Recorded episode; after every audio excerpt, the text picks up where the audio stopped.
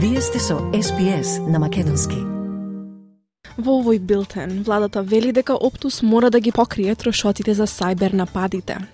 Неголемиот австралиски производител на електрична енергија ќе го затвори целото производство на јаглен до 2035 година. Председателот на Македонската партија Левица ја поднесе референдумската иницијатива до Државната изборна комисија. И Советот за безбедност на Обединетите нации ќе се состане поради оштетувањето на гасоводниот систем Северен поток. На СПС на Македонски следуваат вестите за 29 септември 2022 година. Јас сум Ана Коталеска.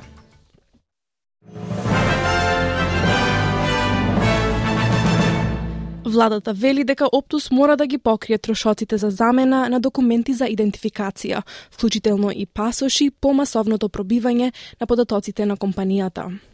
Премиерот Антони Албанезе пред парламентот рече дека доношните обврзници не треба да плаќаат за жртвите на пробивањето кога вината е на телекомуникацијскиот гигант. We believe that Optus should pay, not taxpayers. And Senator Penny Wong, the Minister for Foreign Affairs, has written to the CEO uh, of Optus, uh, Ms. Bayer Rosmarin, uh, today Uh, asking for that. Опозицијата бараше од лабористите да ја платат сметката, но либералната сенаторка Линда Рейнолдс подоцна призна дека Оптус треба да плати. Таа исто така го критикуваше одговорот на владата за поддршка на погодените клиенти. Во кибернетскиот напад на Оптус беа пробиени личните информации на повеќе од 10 милиони австралици, меѓу кои и податоците за нивните пасоши. Досега на темната мрежа протекоа 15.000 броеви на Medicare. Во парламентот се разгледува можноста за воведување итни реформи во законите за приватност до крајот на годината поради пробивањето на податоците на Оптус. Генералниот обвинител Марк Дрейфус вели дека сегашните закони за приватност не се соодветни за дигиталната ера. Истовремено, владата се обидува да го заврши тековниот преглед на сегашни регулативи до 2022 година. Господин Дрейфус за мрежата 7 изјави дека се разгледуваат и построги казни за компаниите што ќе ги потикне да ги преземаат необходните чекори за заштита на податоците на клиентите. We understand why every why companies need to be able to identify people who are opening accounts or someone that's getting a new phone number. Uh, the company needs to know who they are. That's why we have this identification process. But we then need to th- think about do these companies need to keep this data? And if they need to keep it, they've got to keep it safe. And that's what's happened here. It wasn't kept safe. Цената на струјата веројатно ќе се зголеми доколку нема соодветни инвестиции во секторот и координиран план за подобрување на производството, преносот и капацитетот на електричната енергија. Пазарот за газ и електрична енергија на источниот дел од Австралија се соочи со криза во јуни, кога се зголемија цените на големо и пазарот беше привремено суспендиран. Регулаторите на енергетскиот пазар велат дека кризата ги истакна ризиците кои се дел од патот кон сигурна енергија со ниски емисии, која истовремено ќе биде достапна и за потрошувачите. Во август, министри за енергија ги објавија некои деталите за новото национално партнерство за трансформација на енергијата. Од Одборот за енергетска безбедност велат дека се цитат оптимисти во однос на партнерството, но дека постојат и неколку итни ризици. Квинсленд ќе биде дом на најголемата хидроцентрала во светот. Тоа доаѓа откако државната премиерка Анастасија Пелешеј вети дека низината влада ќе стави крај на зависноста од јаглен до 2035 година, според 10 годишниот енергетски план од 62 милиарди долари. Државата има за цел да создаде супер мрежа од соларна, ветерна и хидроелектрична енергија. Госпогица Пелешеј изјави за мрежата 7 дека новите хидроцентрали ќе помогнат со справувањето со климатската вонредна состојба во државата.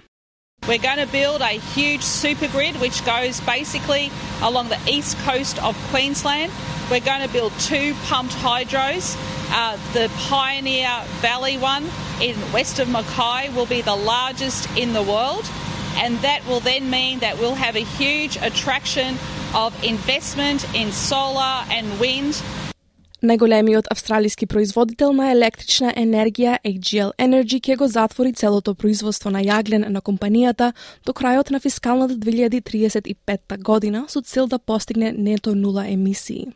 Председателката на AGL, Патриша Маккензи, вели дека компанијата која е одговорна за 40 милиони тони емисии на стакленични гасови годишно ќе ги намали емисиите на нула, што представува еден од најзначајните проекти за декарбонизација во земјата.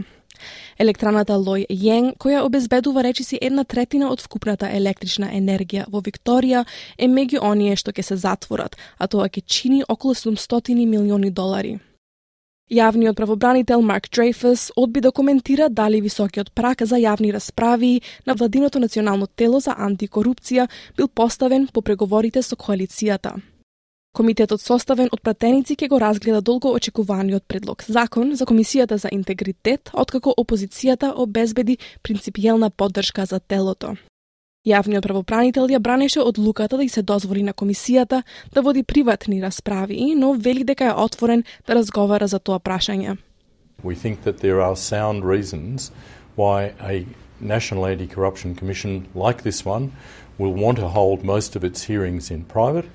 There are also very sound reasons occasionally for holding a hearing in public, and it's a very sharp distinction between the model we've brought to the Parliament yesterday and the former government's proposal, they wouldn't have had any public hearings at all.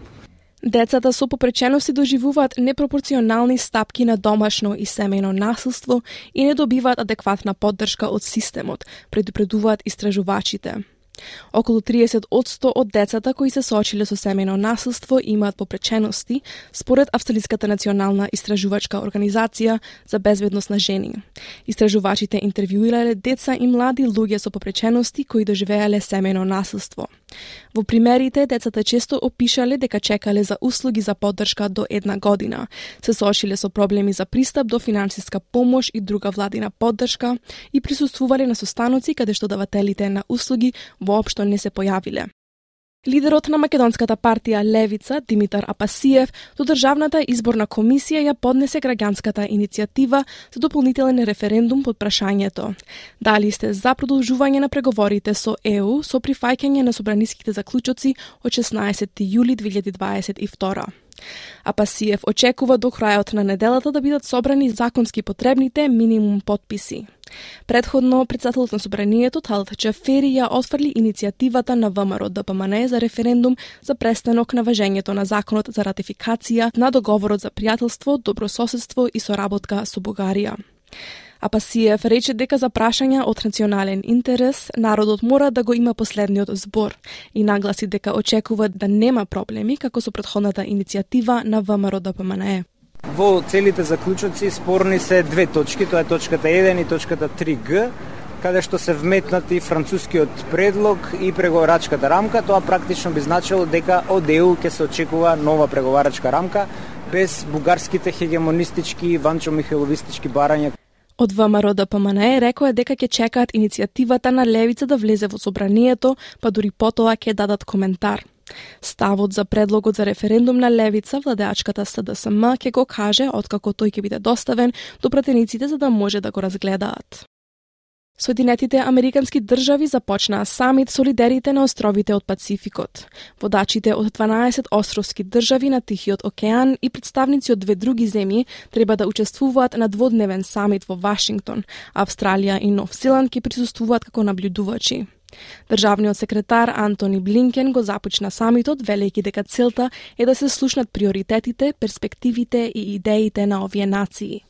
This summit is the latest effort on the part of this administration to hear directly from you about your priorities, your ideas, your hopes for the future of the region and the world, and especially how we can work together to try to achieve them.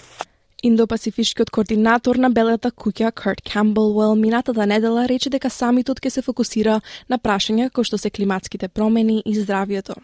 Според него САД и нивните сојузници сакаат да ја зајакнат поморската безбедност и комуникацијските врски на островските држави со земји како Јапонија, Австралија и Индија.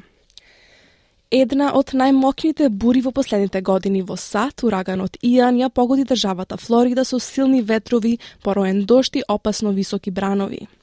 Иан кој засели на топлотните води на Мексиканскиот залив во текот на ноќта прерасна во ураган од катастрофална четврта категорија, со максимални ветришта со јачина од 241 км на час, според податоците на Американскиот национален центар за урагани. Гувернерот на Флорида, Рон Де Сантис, издаде предупредување во кое ги повикува граѓаните итно да заминат во најблиското засолниште и да останат таму додека невремето не помине. Uh, there will be debris in the air and flooding powerful enough to move cars around. Uh, so please do not be outside uh, during this storm. If you're in those southwest Florida counties, uh, you need to be sheltering uh, in place. Uh, stay off the roads. There's no need to rush back. you're going to have a massive surge of people that are going to be going in to provide, of course, life safety assistance for those who, who may have stayed in some of the more hazardous areas. Советот за безбедност на Обединетите нации ќе се состане на барање на Русија за да разговара за истекувањето газ од касоводниот систем Северен поток во Балтичкото море. Европската Унија ја истакна потребата да се заштити критичната инфраструктура и предупреди на силен и обединет одговор доколку има повеќе нарушувања на инфраструктурата. Европската Унија соопшти дека се сомнева дека зад истекувањето на гасот, откриено оваа недела на подморските руски гасоводи кон Русија, стои саботажа. Комесарот за Европската Унија Владис Домбровисакес вели дека сите достапни информации сугерираат дека се работи за намерна штета на гасоводите. Uh, uh, clearly, uh, safety and uh, environment uh, remains uh, the utmost uh, priority. Uh, it's uh, clear that those uh, incidents are not coincidence. Uh, uh, uh, all uh, information available so far seems to be indicated that it has been a deliberate act, deliberate uh, damage which was uh, created. So it's clear that any deliberate destruction.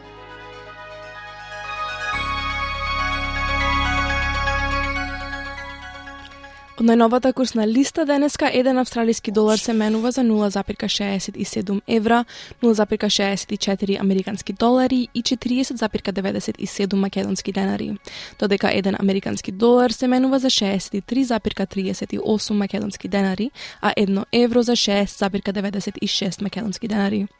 И на кратко временската прогноза за главните градови за утре петок 30 септември. Сончево во Перт, максимална температура до 29 степени. Делумно облачно во Аделаид 19. Идентично и за Мелбурн, делумно облачно 19 степени. 14 степени во Хобарт, делумно облачно. Услови за врнежи во Камбера 16. Слаби до посилни повремени врнежи во Сиднеј 19 степени. Сончево за Брисбен 26. 35 за Дарвен со можни врнежи и 27 за Алис Спрингс, делумно облачно.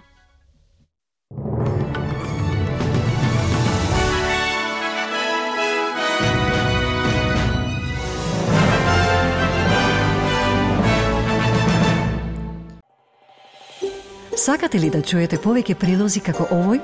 Слушате подкаст преку Apple Podcasts, Google Podcasts, Spotify или од каде и да ги добивате вашите подкасти.